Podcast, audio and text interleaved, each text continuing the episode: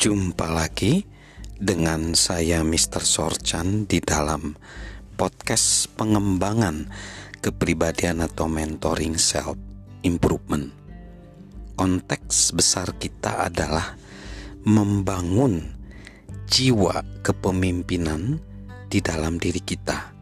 Kita masuk di poin yang ke-8, kualitas mutlak dalam kepemimpinan adalah visi.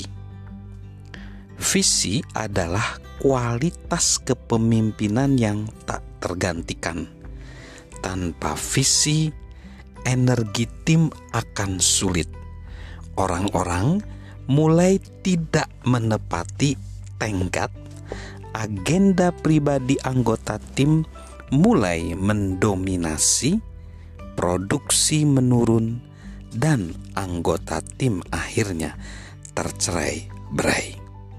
Dengan visi, energi tim menggelora, orang-orang menepati tenggat, agenda pribadi memudar, produksi meningkat, dan orang-orang yang bekerja sama menjadi tim berkembang. Andy Stanley berkata, "Visi memberi arti penting terhadap detail." Yang sebelumnya tidak berarti dalam kehidupan kita. Seringnya, rutinitas kehidupan mulai terasa seperti menggali tanah. Namun, lakukanlah rutinitas yang sama, tanggung jawab yang sama, tetapi memandangnya melalui lensa visi, maka semuanya pasti terlihat berbeda. Visi memfokuskan memfokuskan dunia Anda. Visi merapihkan kekacauan.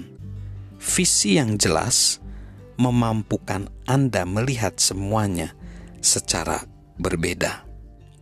Visi yang jelas tidak hanya membawa keajaiban bagi tim, tetapi juga memberi keajaiban bagi pemimpin.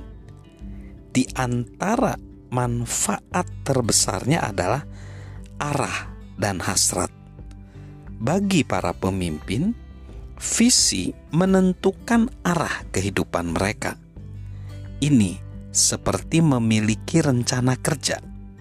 Visi memprioritaskan tindakan maupun nilai-nilai, membantu pemimpin tetap berfokus, dan visi menumbuhkan hasrat. Visi mengobarkan semangat dalam diri para pemimpin yang dapat menyebar ke orang lain. Bill Hybels berkata, "Visi adalah gambaran masa depan yang menumbuhkan hasrat. Tidak ada yang namanya visi tanpa emosi."